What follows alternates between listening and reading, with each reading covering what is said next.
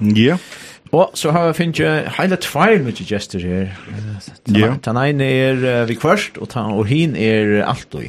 Ja, altså det er det man kallar for ekspert vi märker. Jo, jo, det här är det här är expertpanel det. Ja, det måste jag. Skulle det presenteras? Ja. Det är fra HSF, det er Marsk Marsker och åkara Ekne Sjur Hildarsson Höjte til alle, till. til. Fra för mig, ja. Og tråk. Ja. Nå, det var ett ordens uh, handbollsvikskifte där, ja. Sure. Ja, her var fem drister. Jeg får trutjer, og det var oppast. Det trutjer skrevet til at det er spennende drister. Det var sundag enn oppast. Det er særlig kjent til KF enn der vi gjerne ikke sundag enn norsk norsk Ja, men kan du lukka tenke sender rundan om med dristerne som var i vikskiften og samme vi marsk. Han, han fyllt jo eist nok så vel vi kan ikke ut fra. Væsen, ja, på en sånn til ena. Nemlig, ja. jo, så jeg får hatt en leir den klokkan 3, og nesten har jeg fyrst på til tja kvinnan, jeg som er steltne. Og Og her, vi søtte senast av mannen da vi får lære nok snakk etter vikskiftet, og her lærte vi at ha en fjers og marsk uh, Leisha Taimon, det er, det er, det er, til Samme kjennelig er favoritter i SMS-stelten i år. Nesten her, altså her, jeg halte 28-20, det her slusser fram det var moderat her. 32-26 en tjekvinnan 8-20, har han forsvinner 8-20 mot det nästa. Og i har alltid känslan av att det skulle være Nick Nick meira, Jag vet inte Mark sant. Ja, det ved jeg ikke, det var, det var en av de dage hvor, hvor kampen rimelig hurtigt var sett, så ja. Och så kommer någon tapp ta är spännande sin långt alltid. Men eh uh, det var så jag vet inte ordentligt Det er nok interessant at vi hadde tvær føringer i Steva-final i Øslandet, Rekve Dahl Kristiansen og Wilhelm Poulsen spalte, og det var så sinde samstående som var mennene ikke har en for slags spalte, så det er også på sånn telefonen og hukte etter Øslandsk Steva-finalen. Og så knapp jeg hukte jo opp, og så at han var rymlig jant av han løte, her skal man nok som mest framme jeg hukte det var, det var framfor vi tvær min holder, så knapp jeg var der stunder av, uh, omkring i byrjan av 1700, og og eisen, øyne samførende til alltid. Øyne trygg sier til Heinan Fjers, og så knappt blir det eisene, så er det nok så greit oppi i toppen av favoritten, og nå har vi kanskje haft det sindianer, men det er utrolig jant. Ja, men så er det spalte Kintel og KIF, 2020, 2020. Det var jeg som driver raskant. Ja. Et lakvent. Jeg halte det, og så, så man får skreita sin til strømmelsen til man så at det var tatt, og jeg er ikke så fra en pura jaunandist, og tvei øyla jønlig, halte KIF-erne ville gjerne spela bedre enn hatt der, og halte kjentspalde kløkt, og jeg styrir, mars tås om bæntar, kjenner det så, jeg, ja, jeg, jeg, jeg har ikke alle sett det komme, at, at kjent skulle stjæle stig mot KF, men uh, veldig raskant, Mark. Ja, nej, helt enig, det var, det havde jeg heller ikke set komme. Øhm, KF manglede deres nye danskere, Morten, han havde karantæne, øh, men, øh, men, men jeg synes stadigvæk, at KF har et hold, som skal slå Tjentel øh, på, på papiret, men jeg synes, Tjentel spillede en, en rigtig fornuftig kamp, så det skal de have stor ros for. Ja, og så har vi en dist som hever ivrask, eller Ørslydig hever iverrask enn men ta ivraska ikkje ikke Sjurur, Hildarsson, Høydal. Det var KF 28 og STUIF 31, det er KF, nei, hva sier jeg, Team sier jeg. Tappte heima imot STUIF. Du sier systvig at... Uh, för att tappa så det kan mot rest ju. Ja, det har alltid äsna att taxin shot det långt efter telefonen vi har för senast att att det så nämn så spelar ju ju där vid ordentligt. Mm. Och så har faktiskt haft det gott utsikt. Det vann nästan i Västmanna och det vann i Klaxvik vi Jag sen utsikt där har haft vi först alltid tar man så kan för sitter också okej, okay, chef för ordet går gör. Det är sån explosivitet, det är sån färger. Där knappt jag alltså klara att att se det sånt det vi Paddy Hansen för att se det sånt eller fel i det mode. Ta ta ta kan kanske sin ut för det som hänt då. Jag vet inte det är sort fotbollshotag att onkel Lito ska skapa det det kanske klaxar då bäst att vara bäst under och Orek och hinne Jag vet inte hur mening. Eh men för för SJUF kan man att göra en en SJUF för kvinnor ja. Eller detta correct. Det har tagit understått lite alla fall. eh ta ta ta man boja såch att akkurat nu är det så spännande att det är också riktigt att spå om. Jag har aldrig lärt det här fjärs vant vi kom och ett av fyra. Resten är rattliga uppe.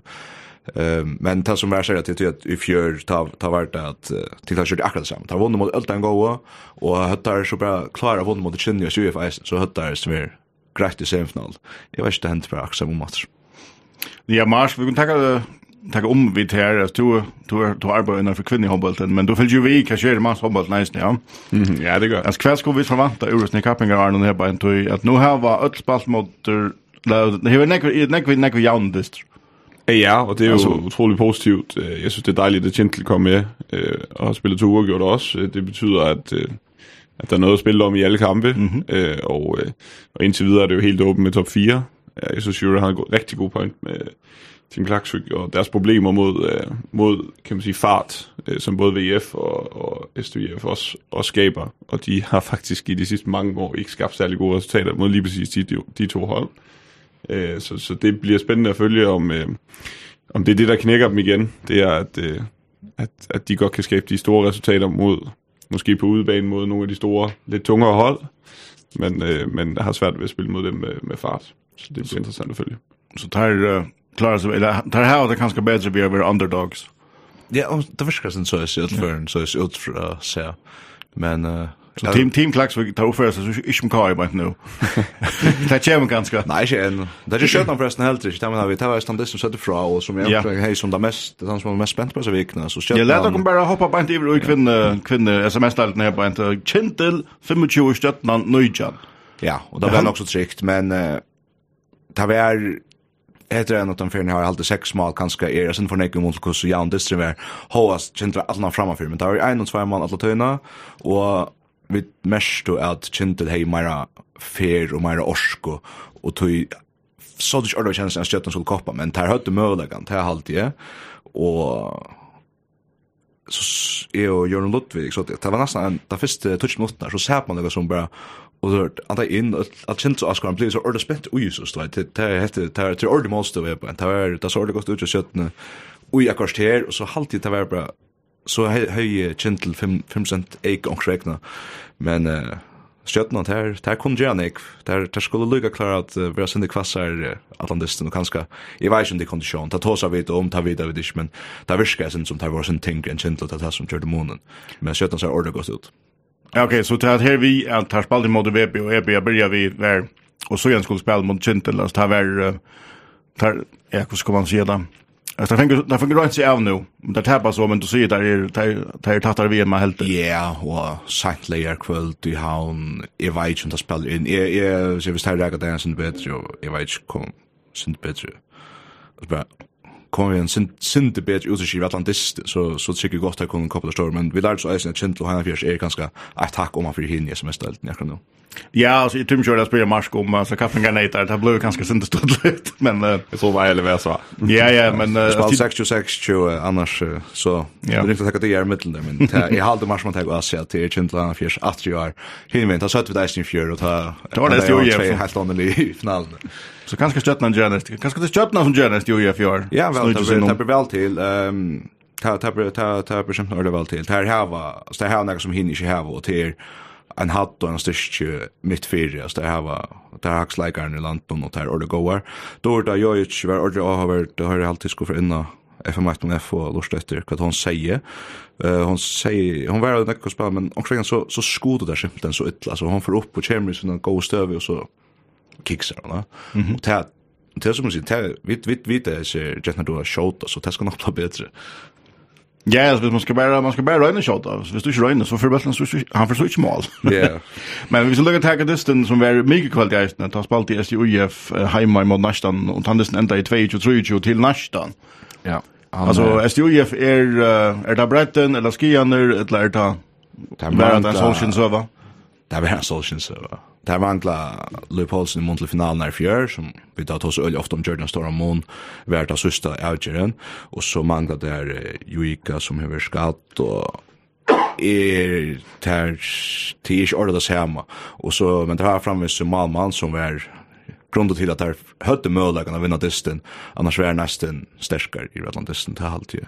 Eh, til halvtid ikke fornærm nærmere jeg sier, hos det er søtte nekka bjergskar, så, så kjente jeg meg at nesten hei meira, eh, men slange du her under mamman, så først reisens mødegan, tar tog han bare kjess Ja, akkurat, og kan jeg spørre Marske, altså, hvordan ser alle på tja ut i munn til fjør? Alltså i fjör var det ju till att där var det väl men det kom upp igen i hinnan så blev det vi bränna. Ja, altså Nielsen uh, har skiftet utrolig meget ud, uh, både på grund af graviditet og, og skader, uh, og så har de fået en, en, en rigtig god overgang op uh, med lidt yngre spillere, så, så er der skiftet øh, rundt på trænerrollerne, Øh, nu er Stine Madsen kommet ind som træner, og det er selvfølgelig noget, som også tager tid, øh, som de lige skal vende sig til, og spillestilen er anderledes. De spiller mere fart i år, end de gjort før, og mindre skud. Øh, bortset fra hende, Nadia, de har fået fra, fra Chintel, øh, og, øh, og det gør, at, at jeg tror, at tingene tager tid, og jeg tror, at stille ordentligt næsten bliver bedre, det er jeg slet ikke i tvivl om. Jeg synes, at der er masser af potentiale i det hold. Så där får jag ett alltså innan att jag kör 3 4 plus ganska. Ja, det är säkert tvivl om. Okej. Så där veldig det spännande att Men nu är det bara fyra disse farne, nei, tre med trodde disse farne i kvinnodalt nye på en, men det är ju ikke farne så lengt än. Men Mars, hvis du skal uh, hva till den största kappen kan där? ja, det ska jeg inte, det ska jeg inte gøre mig klog på. Vi, vi bruger ikke så meget tid på at tænke i de baner lige nu. Uh, vi, har, vi har Europa Cup om, om to uger, og, uh, og vi tager bare en kamp ad gangen, men jeg synes, uh, jeg synes det, nu har jeg ikke været i kvindehåndbold i mange år, faktisk nogensinde, øh, i hvert fald på, på liganiveau, og, øh, og jeg synes, det, jeg er rigtig positiv over, at måden, der bliver spillet på, øh, der bliver spillet med højere fart, end, end jeg har set før, øh, og, øh, og jeg synes, at der er masser af gode hold.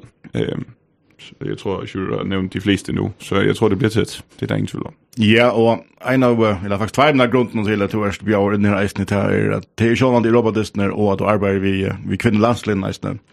Så du tid til å lukke jøkken genga i robotistene, som bæg mennene og kvinderne tja har en av fjerde skuld i jøkken nå om tve viker, og så søren tager vi landsløsner.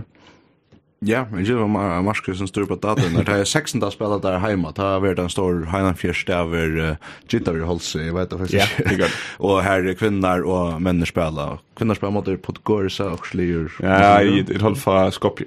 Skopje, ja. Makedonien. Podgorica, det är som alltid att han spelar fotboll till Estland alltid. Ja, det var i Montenegro, Podgorica. Men, men vi spelar mot Holmskopje. håll Skopje. Skopje, ja. Makedonien, ja. Och Makedonien og som sier, säger här näkvar center till att och nu kan man stiga vär i Skopje Ja.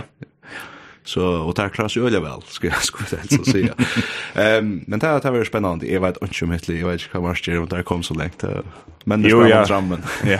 Jo ja, vi har begynt att researche lite på dem eh och og det er så det, vi bruger de næste to uger på. Vi har en, en del video, og, og det skal så klippes ned, og Og vi skal gå ind og finde de ting, som, som vi kan gøre mod sådan et hold, og det er utrolig svært at vurdere, fordi det er en helt anden håndbold, end det vi er vant til at møde, så man har ikke rigtig noget øh, at sammenligne med. Altså, hva forstår i er terror alltså vil du mette, så er det topp topp eller topp racket i Europa att eh alltså det det beste hold i i i Makedonien er Vardar Skopje som også har kvindehold, og som har været i Final Four i Champions League og, og så videre, så det er klart at det er et utrolig otroligt högt nivå. Eh Øh, og de ligger så lige under. Øh, altså de, jeg tror, de har vundet de første tre kampe i Makedonien nu, og de har vundet med en 25-30 mål per kamp. øh, men, men jeg har så også set øh, kampene, og det er ikke fordi, at, at, at vi går bange ind til de kampe, slet ikke. Vi har en, en god tro på egne evner, øh, men øh, vi kommer til at møde en utrolig stor fysik, øh, som vi måske, bortset fra Stjøtland, ikke er vant til. Øh. Gås vi Oscar? Vad så alltså är vi bara avskoar i Skopje? Eh nej, vi spelar på hemmabanan. Vi spelar lördag och söndag. Ja, bor. Okej. Ja, den sa ja, vi syns vi så. det, det är heller inte riktigt uh, kommit så mycket ut om det nu, men det kommer det nu för nu är det helt på plats. Men vi spelar 16 och 17 hemma och herrarna spelar så 16 på hemmabane mot Drammen fra Norge og spiller så søndagen efter på utbanan. Det må så være den 24. Ikke? Snappar så. Ja. Sure. Uh, objektivt, hvordan kvelden råkna du vi for å hente her bant og jusen døst nå? Jeg råkna ikke for jeg har som en hans konsjans til tyverre utfra til at jeg har sett dramspalt til at Helge Brower og Viking spalt mot Drammen og tar eller goer, tar spalt mot Elvrum er tappt i sista sekund Elvrum er ett öliga alltså ta stora li i norra hesnarun till ett extremt högt uh, gott li jeg har vi en sånn optimisme på altså kvinner spiller på at det snart hjemme, og jeg vet ikke, jeg, jeg halte det her ser spännande spennende ut, og Jeg, jeg visste ikke for jeg pressa mars, men jeg, det kjennes han sinta samme. Jeg vet ikke om hun akkurat som manager han förspalte för tränar sig en första fyra och ändå vi har vinnat en dist den är så väl att jag kunde bort till att finna just det för nu en dist någon är himven alltså så så ska man helst vänta det kan alltså vara det går pura så himven så man bara ta det vi det är bara så i föll bara hans det det ser så spännande ut om sjukna jag kvinnan och vi det vi ser ofta ofta så här urslit i förrjun spär jag inte till nästan här just därför eh VF ta ta ut in S ja. Det är till heilen att så det vi vinner hemma väl men vi kommer skoldan vi gör och det var helt förändrat Nej, men det var spännande i alla fall tror jag att väldigt ofta så tar man ner underdog eh det händer väldigt ofta nu bäge handboll och fotbollen att att så så visa urslitna till att ta brötes som lugga alltså alltså det är det är väl det är så uppsett på vad ska vi skulle först först för skulle inte tappa vi Nico Malon men så att man överraskar man man vinner vi en mål så att jag inte har en av men det här kunde göra en annan värld. Ja, så här kan man mot hinom slovenska linjen för tränar sjön och det här det här det här som så gott upplevelse så Oscar den lät jag så kämpe press och ser slovenar tar blöda då det här skötte där körde Mona. Och det är som vi ofta tar som för det är baskan stämningar som känner i handboll det skulle det vara Ja, spännande veror, men alltså vi det här veror ju om halva Ervik som vi får något ta oss om till sen efter sjätte men uh, hom, landslige till kvinnan skal och i elden nu kjører sitt vem storms möjliga på en, der ska spela hemma och mot Rumänien. Och så Mhm. Nei, ut mot Rumænia och hemma mot Danmark. Det var som stort litt. Marsk är det största du vill vi till. Åh oh, ja, altså nu, nu ser jeg det jo bare lidt fra sidelinjen. Ehm jeg ved ikke, om det er det største. Nej, det er det nok ikke, men... Øh, men, øh, men det er klart, at det er nogle store kamp for, for kvinderne, det er der ingen tvivl om, og helt sikkert de største kamp, øh, kvindelandsholdet har været en del af. Øh, og, øh, og det er klart, at, at både Rumænien og Danmark er topklasse øh, hold i verden, og kan på en god dag øh, øh, vinde medaljer begge hold. Øh. Kan på en god dag vinde OL. ja, ja, ja.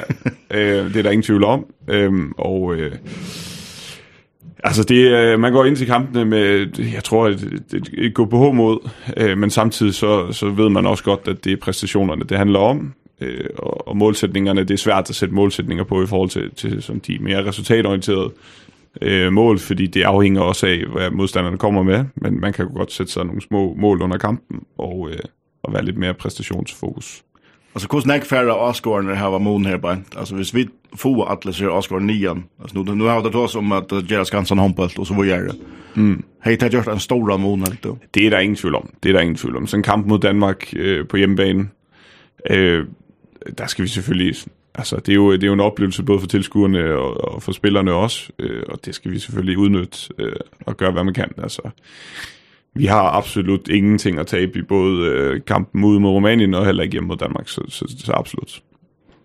Ja, ja. Ja, jeg vet ikke, um, er det måneder av at skulle spela først ut i mot Rumænia og så hjemme mot Danmark? Er det kanskje vært bedre at det var omvendt? Uh, er, det, er det større sannsynlig at det taper mot Rumænia nere i Rumænia? Ja, ja, ja, absolut. Det er, uh, det er, det er, det är sjaldan att vi skulle vanta för urslit av utvöld himme manager till Montenegro och Schweiz och för så Danmark att fink där.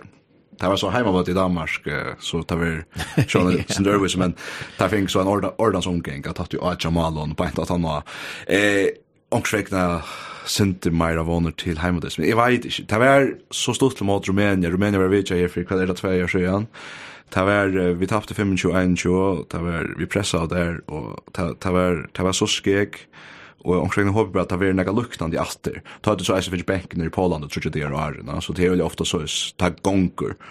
Um, Avverst er at Rumænia tar vær enda nummer 4 vi har i måltid på en tøren. Danmark kommer her til enda nummer 4 vi senast EM i Kjønnet. Jo. Det var det her med EM, EM, EM, vet. Så det är EM, EM, EM, EM, EM, EM, ja, Det det var så gott. Jag hade äsen några landsis her, det godt ut Vel manna er, er öla spent på så där. Eh Lagern klassar gott vid att se öla høgst støy her på en vägen i förrjön. Annika som jo var som står lägger mot Rumänien ta, hon stender fabelaktigt i Island. Här haxar stick av Ötlund, Malmö i Island i 1820 alltså ner nu 40 i Björking.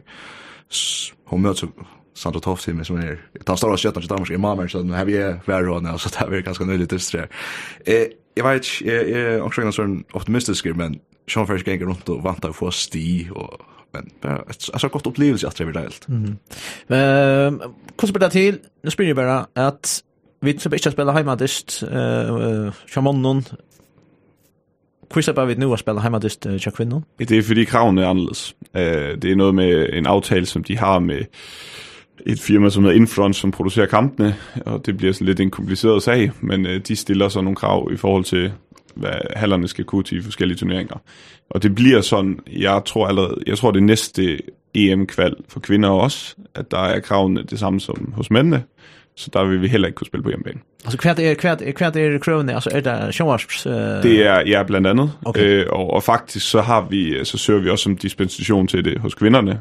Men her er det mere medgørligt, fordi kravene ikke lige så store. Altså, der skal kunne være 2.000 tilskuere som det første, det kan vi ikke. Øh, mm-hmm. øh, og så skal der være, øh, så skal der være tilskuere hele vejen rundt, øh, på alle, ja, i hvert fald de to langtider, og det kan vi så slet ikke. Og øh, banen er heller ikke bred nok, fordi der er ikke langt nok ud til, øh, til tilskuerpladser og, øh, og, og bænken også, og så er det også med, med tv øh, positioner heller ikke god nok. Nej. Så vi har ret mange steder, hvor vi mangler. Okay. Øh, og, øh, Og næste EM-kval, der bliver det sådan for kvinderne, at kravene bliver yderligere øh, forhøjet, og dermed så regner vi heller ikke med, at vi får, får lov til det der. Okay. Så Mars, du er eisne vi på så multihøtlene som skal opp ned i Høyvøk eller Strandon eller hver dag, men hver og nere? Ja, jeg er 120% med på den, ja. Kan jeg betale du helt nå? Hvis jeg havde pengene, så kunne jeg godt, men øh, det bliver nok et lille problem. Ja, men kvart hvis vi lukkar runda en runda av er bant kvart vil to hava bors uris nere landstes noen, altså kvart er hur målsättningen har det sett för dig. Ja, altså nu nu har jag inte været inne i kan man säga taktikrummet øh, og, og, og hørt hvad hvad de har sat af interne målsætninger. Ja, altså det som vi det som vi håber det er som sagt præstationen. Vi kigger på, jeg synes vi har et, et landshold som er rigtig rigtig spændende. Vi har nogle ældre spillere som som, øh, som går forrest. Vi har nogle øh, sådan, mellemgruppe af spillere, som spiller udenlands. Øh, bedste liga i Danmark, Island og så videre, og så har vi nogle unge nye spillere, som, øh, som, øh, kan, som gør en forskel. Så øh, jeg er faktisk ret spændt på de her landskampe, og ikke så spændt på resultatet, men spændt på præstationen. Ja, Peder. Tanja, sure, skal du åka fram? Vi får jo å se fra på om det någon om uh, Tanna Industrin inne i Rumänien. Ja, det är som att just og sjans när vi tar inte finns allt tekniskt lä, men vi vann att sitta på inte så stod ju vi er och skjermi og se att det kan hva händer så kommer vi prata sen runt att här. Och i ger kvar skärmar jag bak och några har sagt ja, onkel skal det, onkel ska lugga ringa till att säga.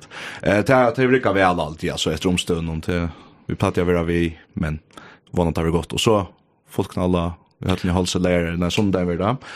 Mot Danmark ta ta vi av stenen og se fra og och vanande från Go Norwich. Nu får lägga bröda det och vi då har glömt några. Hva kommer man vinna det? Hei, man kan vinna. Hva kan man vinna? Kan vinna landslagstrøtjer? Landslagstrøtjer fra yeah. Samband. Ja, ferdig til sondag mot Danmark. Nemlig, ja. Ok. Så Att som sända ett sms in i där är ju vi till att vinna en uh, håndbolls landslagstrøtjer fra kvinnan og mannen til som tror jeg ikke fra. Ja, hun pen. Hun pen, ja. Send meg halv trus, nødt halv fems, nødt halv fems, send en sms inn, og løg meg hva du skriver om til Ørslite, at vi vinner 2015 mot Danmark, eller om dit uh, halda at himmelen er blaver, så er det vi og i kappensene. Jeg vil gjerne halda sier kun kvui vi vinner av Danmark, Ja. Nei, ok, jeg har sendt et sms av 5,5 trus, 0,5, 0,5, og fortell dere helt stått hvor vi vinner av Danmark. Fem mål trøsten og Jotham Studiamen. Så treer vi om uh, en landslivs uh, trøtje, altså en håndballs landslivs trøtje. Uh, Tibar, Mark og Sjører, takk for at vi vidtja og her og i dag. Som uh, alt og i tider alt og i uh, Distant Fus. Og så var det ikke at det kunne en, uh, det er tvær gåar landsdister. Ole, Vi fär vi fär att uh, ha en liten paus nu vi skal ha nu gest just isnä ta vi fotboll där så vi John Andersen som kommer om en liten løte at ta så om fotball og så fer vi til at ha några lösningar og tog inn det skal vi ha isnä. Åtta ska vi. Ja, åtta skal isnä ha plass til för tjänst Men vi vil åter alltså 5 och halv 3 och 5 och halv 5 är det välkomna sent in till.